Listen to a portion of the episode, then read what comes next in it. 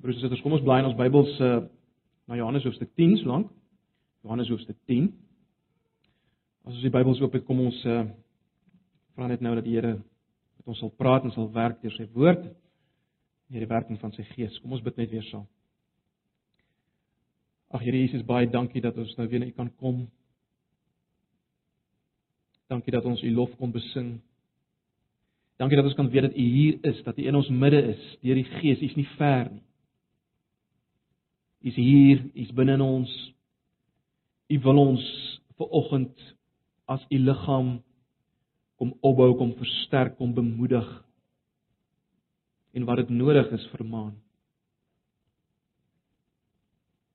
Ag Here, ons verwagting is nou van U. Kom breek U woord vir ons oop. Gee ons ore om te hoor, gee ons oë om U te sien. Asseblief, ons vra dit in U naam, die naam bo alle name, Jesus ons Here. Amen. Ons het verlede Sondag broers en susters gekyk na Johannes hoofstuk 9. Ehm, um, vanoggend is ons by Johannes hoofstuk 10. Ek gaan die eerste 18 verse vir ons saam lees. Dan gaan ons spesifiek fokus op uh, vers 17 en 18. Dit is 'n wonderlike gedeelte. Daar's baie gedeeltes waarop mens kom fokus, 'n uh, gewellige ryk gedeelte. Maar vir die nagmaal doeleindes vanoggend, ek gevoel vers 17 en 18 sal ek goed om daarop klem te lê. Ek dink ek het in die verlede al daarop klem gelê, maar kom ons uh, kom ons lees net eers die eerste 18 verse saam. Lees maar die 83 vertaling.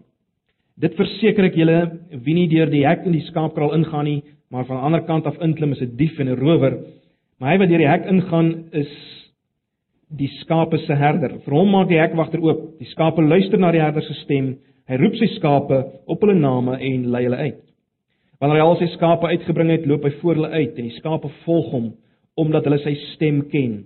Hulle sal nooit 'n vreemde volg nie, maar van hom af weghardloop omdat hulle nie die stem van die vreemdes ken nie. Deur hierdie beeld het Jesus met hulle gepraat, maar hulle het nie verstaan wat dit was wat hy vir hulle wou sê nie. Toe het Jesus verder gesê: "Dit verseker ek julle, ek is die ingang vir die skape. Almal wat voor my gekom het, is diewe en rowers, maar die skape het nie na hulle geluister nie. Ek is die ingang. As iemand deur my ingaan, sal hy gered word. Hy sal in en uit gaan en veiding kry. 'n Dief kom net steel en slag en uitroei. Ek het gekom sodat hulle die lewe kan hê en dit in oorvloed. Ek is die goeie herder. Die goeie herder lê sy lewe af vir die skape. 'n Huurling is geen herder nie en dit is nie sy eie skape nie. As hy 'n wolf sien kom, los hy die skape en hardloop weg en die wolf vang die skape en jaag die trop uitmekaar. Hy is 'n huurling en bekommer hom nie oor die skape nie.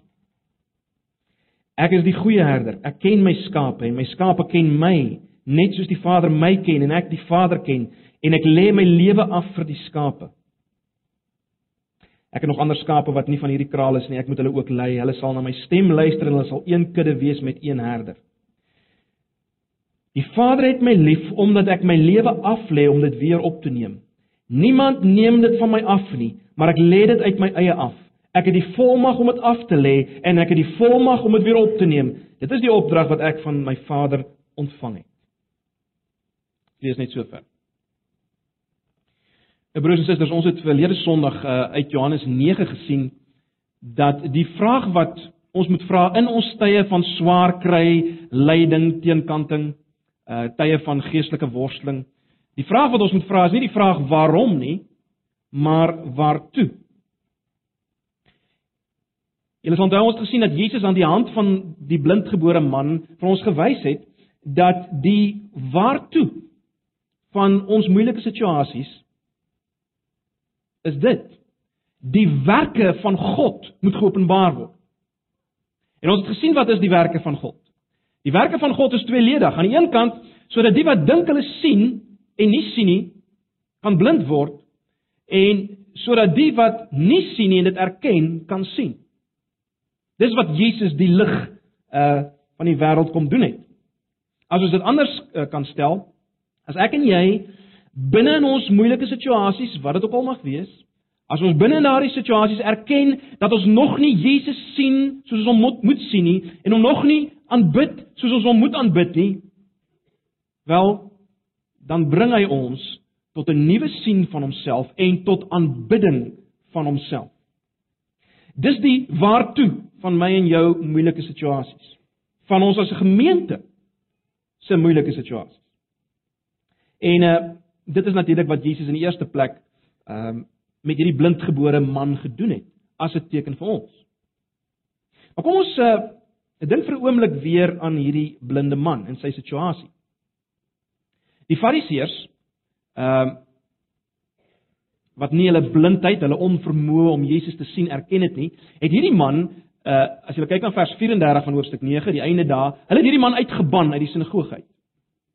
Nou, die vraag waarmee hierdie man wat nou kon sien, nie net fisies kon sien nie, maar geestelik kon sien, die vraag waarmee hy waarskynlik gesit het, was dit: Ek is nou uitgeskop uit die sinagoge. Die herders van die volk waarna ek opgesien het, het my gelos. Hulle was veronderstel om my te lei, maar het my gelos. Hoe kan ek weet dat hierdie Jesus wat my genees het, Hoe kan ek weet dat hierdie Jesus my gaan versorg, my gaan lei, my gaan oppas? Hoe weet ek hoe hy werklik oor my voel? Het hy my nie maar net genees omdat hy moes nie? Hoe weet ek hy wou regtig? Voel hy iets vir my? Dalk sit jy ver oggend met hierdie vraag, bewuslik of onbewuslik, sit jy dalk met die vraag: Hierdie een waarvan ons sê elke situasie in my lewe gebruik hy om my te bring tot 'n nuwe sien van homself en tot aanbidding van hom. Wel, hoe voel hy werklik oor my? Doen hy dit nie maar net omdat dit 'n werk is wat hy moet doen nie? Terwyl hy eintlik my nie kan verdra nie. Dalk is dit hoe jy voel volgens. Hoe sal ek weet? Nou, broers en susters, ek dink 'n nagmaalsgeleentheid soos vanoggend is 'n goeie geleentheid om hierdie vraag vir onsself uit te klaar, né? Nee. Verdraai my maar net. Hoe voel hy werklik oor my? Dis 'n goeie geleentheid om vanoggend hierdie vraag te probeer beantwoord. So ek wil hê ons moet uh, kyk na Johannes 10 en ek het reeds gesê ek gaan vir al vir vanoggend se doeleindes fokus op vers 17 en 18. Daar's wonderlike ander dinge waarop ons kon fokus, verseker. Nou, net om ons in die prentjie te bring, in Johannes 10 sou julle gesien het, gebruik Jesus die beeld van 'n Midde-Oosterse herder, let wel 'n Midde-Oosterse herder, is baie anders as 'n ou wat vandag skape oppas, ek wil nie daarop uitbrei nie, maar hy gebruik die beeld van 'n Midde-Oosterse herder om te wys wie hy is teenoor die leiers van die dag, die herders van Israel. Die herders waaronder hierdie man gestaan het. En die groot punt as mens alles gaan saamvat, die groot punt wat Jesus hier wil maak is dit. Hy is die goeie herder teenoor hulle wat die slegte herders is, né? Nee. Maar die kern van wat sy goedheid beteken as herder is dit. Hy lê sy lewe af vir sy skape. Ons sien dit in vers 11, né? Nee. Ek is die goeie herder, die goeie herder lê sy lewe af vir die skape. Dit teenoor vers 10, die ander herders, die dief kom net om te steel en te slag en te verwoes. Ek het gekom sodat 'n lewe en dit in oorvloed kan hê. Maar die kern daarvan Die goeie herder lê sy lewe af vir die skape. Nou broers en susters, ons moet verstaan, is miskien moeilik vir ons om dit te begryp, maar in uh in die konteks van daardie tyd so 'n herder, 'n herder wat bereid is om sy lewe af te lê vir die skape, is ontsaglik kosbaar in 'n dor woestynland. Moenie 'n fout maak nie, was 'n dor woestyn wêreld, gevaarlik, vol wilde diere. En ander herders wat jou skape wil uh, weg van jou af wegsvat, steel. Ehm um, dit was ontsettend kosbaar uit 'n skaap se oogpunt, as ek dit so kan stel, om so 'n herder te hê wat sy bereid is om sy lewe af te lê. Dit is wat die ander herders nie gedoen het nie, inteendeel, julle het gesien, hulle die uh skape eintlik misbruik.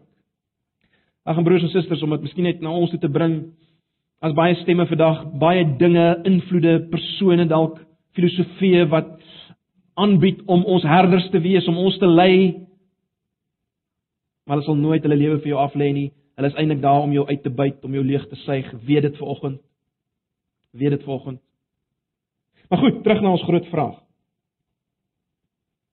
Hoe lief het hierdie herder ons werklik? Hoe lief het hierdie herder ons werklik? Was hy nie maar gedwing om sy lewe af te lê nie? Nie maar die ding wat hy moes doen nie. Was hy nie gedwing om dit te doen nie? Wel, kom ons beantwoord hierdie vraag aan die hand van vers 17 en 18.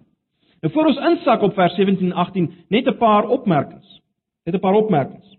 Kom ons vra die vraag: Waarin waarin sien 'n mens iemand se liefde vir jou? Wel ek wil dit waag om te sê dat jy nie net dit sien in die pyn wat dit die persoon gekos het om jou lief te hê. Jy sien dit ook nie net uh in hoe onverdiend jy is wat dit ontvang nie. Jy sien die liefde ook nie net in hoe baie hierdie persoon vir jou gee nie. Jy sien sy liefde veral in hoe vry hy was toe hy jou liefgehad het.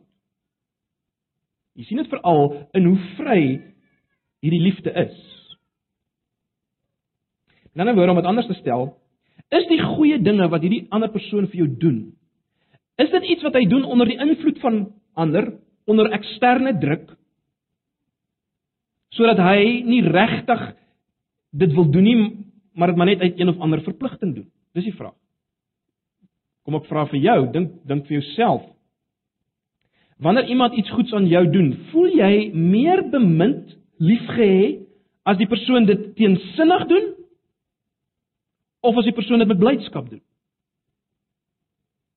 Ek is seker julle sal antwoord wel, ek voel meer bemind, geliefd as iemand dit ywerig vir my doen, vol blydskap eerder as wat hy dit brommend doen onder 'n verpligting, né? Nee. En dit beteken natuurlik broers en susters dat uh my en jou vreugde en blydskap in lief hê is 'n baie belangrike deel van wat dit beteken om lief te hê, né? Nee. My en jou vreugde en blydskap in lief hê is 'n baie belangrike deel van wat dit beteken om lief te hê. Kom ek stel dit so. Hoe meer betrokke, gewillig, bly en vry ek is in die liefhê van ander, vir alles dit iets kos, hoe meer ongelooflik diep is daai liefde, is dit nie? Hoe meer ongelooflik diep is daai liefde. En wat ek wil hê ons moet vanoggend sien, is die diepte van Jesus se liefde in die vryheid daarvan. Ek wil hê ons moet die die diepte van die liefde van Jesus sien in die vryheid daarvan. Die gewilligheid, die ywerigheid, ja selfs die vreugde wat hy daarin gehad het. Wil ons met die diepte van Jesus se liefde daarin sien volg. Broers en susters, hy het ons liefgehad met sy hele hart, nie net 'n gedeelte daarvan nie. Glo jy dit? Glo jy dit regtig? Hy het ons nie net liefgehad met 'n ligte geneigtheid na ons, terwyl hy eintlik aan die ander kant deur 'n kosmiese mag gedruk is om dit te doen nie. Nee. Nou, wanneer ons vanoggend gaan kyk na die vryheid van van Jesus Christus in sy liefhê van ons, gaan ons ook die verbintenis met die opstanding sien. Hoekom? Want sien die vryheid waarmee hy ons liefgehad het, is die vryheid waarmee hy die dood uit opgestaan het. Die vryheid waarmee ons liefgehad het, hoe sy lewe afgelê het, is die vryheid wat hy gehad het toe hy die dood uit opgestaan het. So kom ons kyk spesifiek na vers 17 en 18. Kyk na vers 17. Die Vader het my lief omdat ek my lewe aflê om dit weer op te neem. Soos die 53 vertaling sê, daarom het die Vader my lief omdat ek my lewe aflê, aflê om dit weer te neem. Nou dit beteken dat die Vader het 'n spesiale behaag gehad in die seun se gewilligheid om sy lewe neer te lê vir sy mense uh, en die dood in hulle plek te oorwin. Natuurlik het hy sy seun liefgehad vir wie hy is. Dit sien ons val in Johannes 17. Maar spesifiek het die Vader hom lief omdat hy sy lewe neerlê vir sy skape. Dit sien ons hier. Met ander woorde, die Vader het die seun lief vir sy liefde vir ons. En gaan dink net wat sê dit van die Vader se liefde vir ons. Bedink dit maar self. Maar kom ons beweeg nou na vers 18. Kom ons beweeg na vers 18. Niemand neem dit van my af nie, maar ek lê dit uit my eie af. Ek het die volmag om dit af te lê en ek het die volmag om dit weer op te neem. Dit is die opdrag wat ek van die Vader ontvang het. Nou ek wil hê ons moet dit vanoggend laat insink, insink. Ek wil hê ons moet hierdie woord laat insink. Dit is baie eenvoudig, maar dit is geweldig kragtig. Eenvoudig, maar dit is kragtig. Niemand neem my lewe van my af. Niemand neem dit van my af. Niemand neem my lewe van my af nie. Dis geweldig. Dis verstommend. Miskien sit jy met die vraag maar uh het Judas nie sy lewe van hom afgeneem? En die die bende soldate in die tuin, het hulle dit nie van hom afgeneem nie? En Ananias die hoëpriester, uh, was dit nie eintlik hy wat dit gedoen het nie? En die valse getuienis wat teen hom getuies wat teen hom opgestaan het, dis nie eintlik hulle nie. Wat van die skare wat geskree het kruisig hom, kruisig hom, is dit nie eintlik hulle nie. En Herodes wat hom terugstuur na Pilatus en Pilatus wat hom uiteindelik oorgelewer het en die soldate wat die spykers ingeslaan het. Het hulle nie sy lewe van hom afgeneem? Wat bedoel hy as hy sê niemand neem my lewe van my af nie? Dis letterlik soos die 53 vertaling dit stel. Wat bedoel hy as hy sê niemand neem my lewe van my af nie? Wel hy bedoel dit. Op elke punt waar dit gelyk het of ek onder dwang was. Elke oomblik waar dit gelyk het asof ek geforseer is om iets te doen wat ek nie wil doen nie. Ek was nie daar geforseer nie. Ek het dit gekies. Ek het dit omhels. Ek en my Vader het georkestreer omdat ons jou liefhet. Niemand neem my lewe van my af. Ek lê dit uit eie inisiatief af. My liefde is vry. Hoekom sê Jesus dit? Hoekom sê Jesus? Hoekom beklemtoon hy dit? Broers en susters, eenvoudig omrede as dit nie waar was nie. As sy dood geforseer was, as dit nie vry was nie. As sy hart reg nie regtig daarin was nie, wel, dan kan ons 'n groot vraagteken plaas agter sy liefde vir ons. Dan kan ek wonder oor sy herderskap van my binne in my moeilike situasies van pyn en swaar kry. Terwyl die werke van God geopenbaar word, né? Nee, kan daaroor wonder. Nee, die diepte van sy liefde lê in die vryheid daarvan.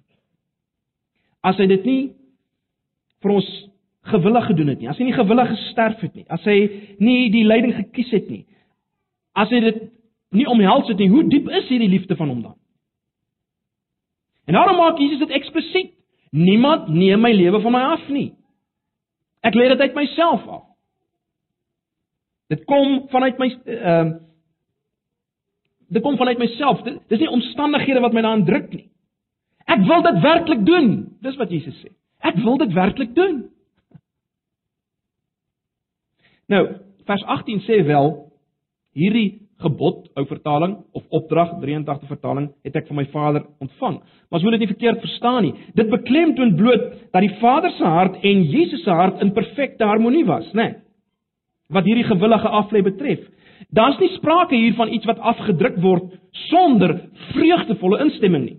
As jy net vinnig kyk na vers 30, dan beklemtoon Jesus Ek en die Vader is een. sien julle dit in vers 30? Ek en die Vader is een. So, uh, moenie uit hierdie vers aflei dat dit is afgedruk op Jesus nie. Nee nee. Ek en die Vader is een. So broers en susters, Jesus beklemtoon ver oggend dat sy liefde vry is. Hy weet vanoggend van die stemme in jou kop wat suggereer ag hy jou nie regtig lief nie. Hy verdra jou net. Hy moes dit maar net doen. Jesus antisipeer as te ware daardie vrae en en daarom kom hy en hy reageer en hy sê niemand neem my lewe van my af nie. Ek lê dit uit myself af. En en vanoggend kom sê dit weer vir ons deur die Heilige Gees en deur dit wat Johannes hier opgeteken het. Dit is hoekom dit opgeteken is vir ons. Hy benadruk dit. En hy wil sien of ons dit gaan glo, of jy dit gaan vat. En of jy die teenoorgestelde gaan glo, naamlik Jesus se hart was nie werklik daarin nie. Dis die leuen wat die duiwel graag wil hê jy moet glo. En nou broers en susters, omdat Jesus so graag wil hê dat ons moet weet dat hy vrywillig vir ons gelei het, wil ek net hê ons moet vinnig kyk na 'n paar gedeeltes wat dit onderstreep sodat dit kan insink. Ek wil hê ons moet oortuig wees volgens van hierdie een ding. Ek wil hê ons moet oortuig wees dat dit ja selfs 'n vreugde vir hom was om sy lewe vir ons af te lê wil ons moet daarvan oortuig wees. Kom ons dink oor 'n paar gedeeltes. Julle ken die gedeelte in Lukas 4 waar Jesus ehm um, in die sinagoge in Nasaret ingekom het en hy die boekrol geneem en hy het gedeelte uit Jesaja uitgelees ehm um, wat gaan oor die feit dat die gees van die Here op hom is om die genadejaar van die Here aan te kom. En Jesus maak dit baie duidelik hy doen dit nou. En dan in vers 29 en 30 van daai hoofstuk lees ons die volgende. En hulle het opgestaan en hom uit die stad uitgedryf en hom gebring tot die rand van die berg waarop hulle stad gebou was om hom van die kraans af te gooi. Maar hy het tussen hulle deurgeloop en weggegaan. So wat sien ons? 'n Klomp ouens hier was woedend oor hierdie nuwe leraar se lering dat hy homself hierdie dinge kan toeëien en hulle sleep hom na 'n afgrond en wil hom afgooi en dan stap hy tussen hulle deur soos die volk deur die Rooi See gestap het. Wat gaan nie aan? Wel eenvoudig. Jesus se uur het nog nie gekom nie. Niemand neem my lewe van my af nie. Ek lê dit myself neer. Ek lê dit neer op 'n spesifieke tyd, nie voor die tyd nie en nie na die tyd nie. Nie voor die tyd nie en nie na die tyd. Later in sy bediening was Jesus op weg na Jerusalem en sommige van die Fariseërs het na hom toe gekom en daar in Lukas 13 vers 31 en 32 sê hulle vir hom: "Gaan weg en vertrek hiervandaan, want Herodes wil u om die lewe bring." En dan sê Jesus in vers 32: "Gaan vertel vir daai jakkals: Ek dryf duiwels uit en maak gesond vandag en môre en op die derde dag is ek klaar." Wat gaan hier aan? Wel, Moenie daar gaan nie, die koning wil jou doodmaak. Hey, die koning, dis die ou met al die gesag. Hy maak wat hy wil. Hy maak dood wie hy wil. Jy staan nie 'n kans nie, Jesus. Hy maak net wat hy wil. En dan kom Jesus en hy antwoord en hy antwoord in die lig van 'n ou gesegde van die rabbies. En die gesegde is dis beter om die uh, stert van 'n leeu te wees as die kop van 'n jakkals. En nou kom Jesus en hy sê per implikasie, ek is die leeu van Juda. Ek is nie bang vir Herodes nie. Gaan sê vir Herodes, die jakkals, ek het 'n bediening om klaar te maak. Ek het 'n plan om af te handel. Ek dryf dryf duiwels uit en genees mense uh tot op tot op 'n vasgestelde dag. En ek bereik my doel, nie voor die tyd nie, nie na die tyd nie. Ek bereik my doel wanneer ek wil. Niemand neem my lewe van my af nie. Ek lê dit uit my eie uit af. In die tuin van Getsemane, broers en susters, die laaste aand voor sy dood, het Jesus twee verstommende verstommende dinge gesê, ehm um, wat sy dood verseker het aan die een kant en wat gewys het dat hy vry was toe hy opgetree het in liefde, absoluut vry was. Toe die soldate uiteindelik gekom het uh, en Petrus, julle sal onthou, die oor afgekap het van die dienskneg, sê Jesus die volgende vir Petrus, hy sê Sit jou swaard in sy plek terug, want almal wat die swaard neem, sal deur die swaard vergaan. Of dink jy dat ek nie nou my Vader kan bid en hy vir my meer as 12 legioene van engele beskikbaar stel nie? Vers 52 tot 53 van Matteus 26. Wat sê hy? Wat sê Jesus? Niemand neem my lewe van my af nie. Ek lê dit vrylik neer. Ek het dit gekies, Petrus. Ek omhels dit, Petrus. Dis my liefde aan die werk hier, Petrus. Hierdie is nie toevallige bende geweld nie, Petrus. Dis my soewereine liefde. Moenie probeer om dit te stop nie. En dan draai Jesus na die man wat genees is. En hy sê vir hom 'n verstommende ding. Luister. Dag vir dag was ek saam met julle in die tempel. En julle het nie hande teen my uitgestrek nie. Maar dit is julle uur en die mag van die duisternis. Dag vir dag was ek saam met julle in die tempel en julle het nie die hande teen my uitgestrek nie. Maar dit is julle uur en die mag van die duisternis. Met ander woorde, Jesus sê tot nou toe kon julle my baie maklik vermoor, maar julle het nie. Weet julle hoekom? Dink julle dis omrede julle besluit het watter uur ek moet sterf? Dis verkeerd. Die rede hoekom ek nou hier is, is omrede dit nou julle uur is. dis hoekom ek nou hier is, Dis omdat dit nou julle uur is, nie vroeër nie, nie later nie. Niemand nee, neem my lewe van my af nie. Ek lê dit uit my eie neer. Niemand neem dit van my af. Ek besluit op die uur, nie julle nie. Ek word nie meer gevoer nie. Ek loop gewillig. Ek loop met my oë wyd oop. En ek loop met my hele hart na die kruis uit liefde vir my skaap. Ek het hulle regtig lief. Ek het hulle regtig lief. Ag broers en susters, om hierdie waarheid tot sy uiterste toe te druk. Baie interessant in die Nuwe Testament word aan Hebreërs 10 vers 9 vers uit die Ou Testament aangehaal.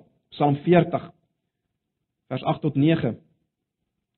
Kom ek lees dit vir julle hoe dit klink in die 53 vertaling en in 'n Engelse vertaling. In die 53 vertaling staan daar: Ek het lus o my God om u welbehae te doen. In die Engels lees dit so: Behold I come in the scroll of the book it is written of me, I delight to do thy will o my God. Die absolute hoogtepunt van vryheid, broers en susters, is vreugde. Die absolute hoogtepunt van vryheid is vreugde. Jesus het hom verbly in sy verlossende werk vir jou. Natuurlik het die fisiese pyn aan die kruis nie fisiese plesier geword nie, hoe genaamd nie. Maar vreugde het Jesus deur dit alles gedra. Vreugde vir jou en my het dit het hom deurgedra. Hy wou regtig ons red. Hoekom? Om vir hom 'n lofprysende, heilige groep mense bymekaar te maak, soos 'n man wat uh sy toekomstige bruid begeer. Dis wat Jesus in die oog gehad om vir hom 'n groep mense bymekaar te maak wat sy lof sal besing, wat heilig is. Dis wat hy in gedagte gehad en hy het vreugde hierin gehad. Nou, net 'n laaste paar opmerkings. Waar pas die opstanding in dit alles in? Wat het die opstanding te doen met hierdie verstommende liefde? Wat het die opstanding daarmee te doen? Wel, vers 18 maak die verbintenis, né? Nee. Kyk net weer na vers 18. Niemand neem dit van my af nie, maar ek lê dit uit my eie af. Ek het die volmag om dit af te lê en ek het die volmag om dit weer op te neem. Ek het die volmag om dit af te lê en ek het die volmag om dit weer op te neem. Nou,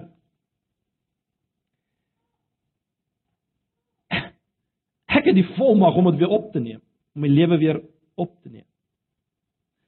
Broers en susters, enige persoon wat so 'n stelling maak, is of 'n psigiatriese geval of hy lieg of hy's God. Daar's geen middeweg. Ek het die mag vanuit die dood. As dooie mens kan ek die lewe weer opneem wanneer ek wil. Wat is die punt wat ek wil maak? My punt is dit: wat is moeiliker? Om beheer te hê oor wanneer jy sterf of om vir jouself weer lewe te gee wanneer jy klaar gesterf het? Wat is die moeilikste? Dink die antwoord is voor die hand liggend. En dis die punt, is dit nie? As Jesus weer sy lewe teruggeneem het uit die dood, dan was hy werklik vry.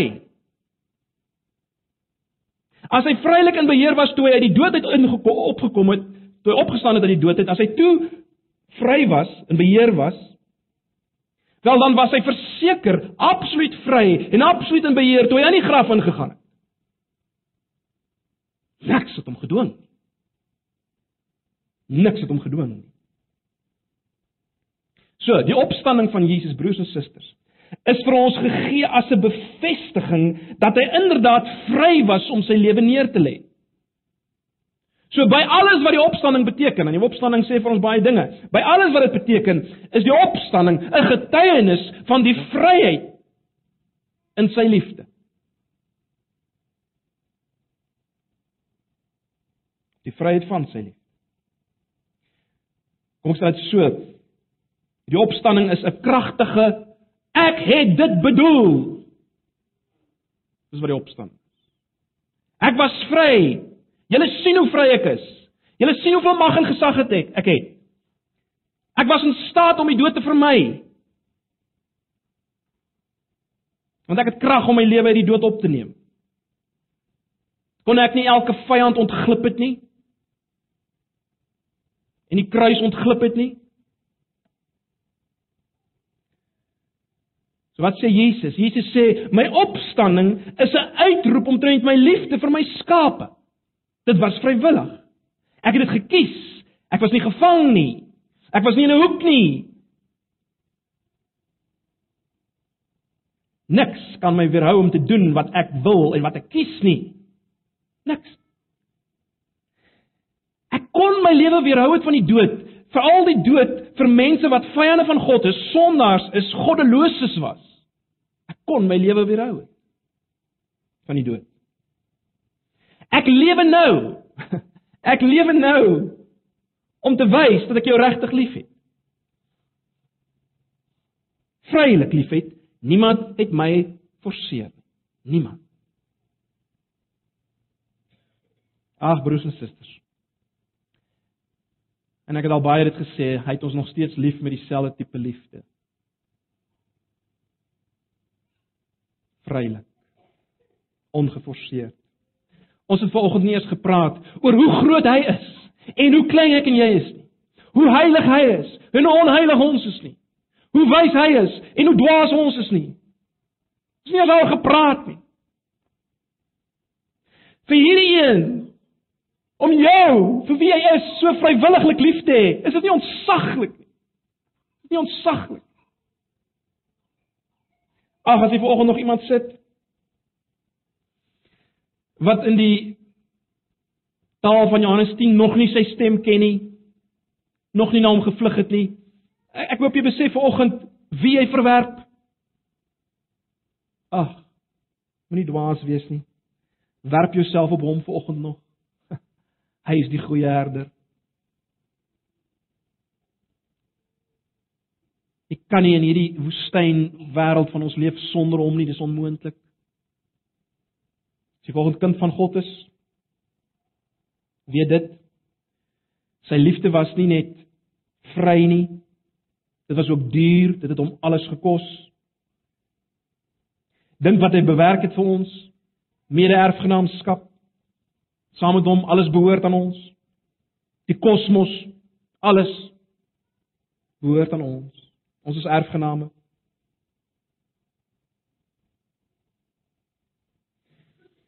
Onthou julle vers 10 wat sê uitgekom sodat ons lewe kan hê en dit in oorvloed. Dit het niks te maak met materiële materiële dinge nie. Dis hy self is hierdie lewe in die oorvloed. As jy hom het, want jy oorvloed van lewe selfs binne in jou armoede en swaar kry.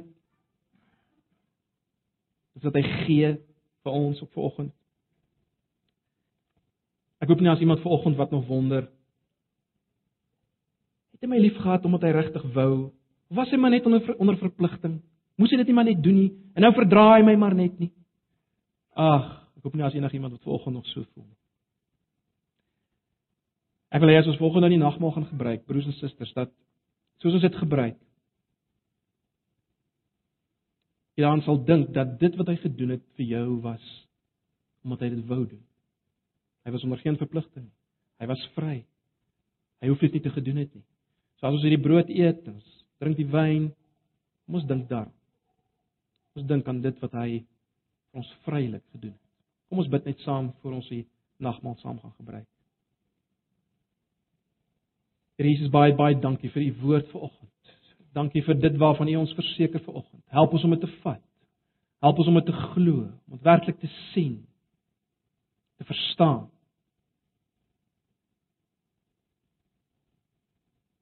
Gebruik dit om ons te beweeg om lewens te leef vir u. Sonder dat ons bang is dat u dalk nie gelukkig is met ons. Ag, Here. Maak ons vry om u volheid te kan dien. Asseblief. Wil U nou in ons midde wees ook verder as ons hierdie tekens gaan gebruik, Here. Ons vra dit in Jesus se naam. Amen. Vra dat van die broers ons die tafels op voorberei.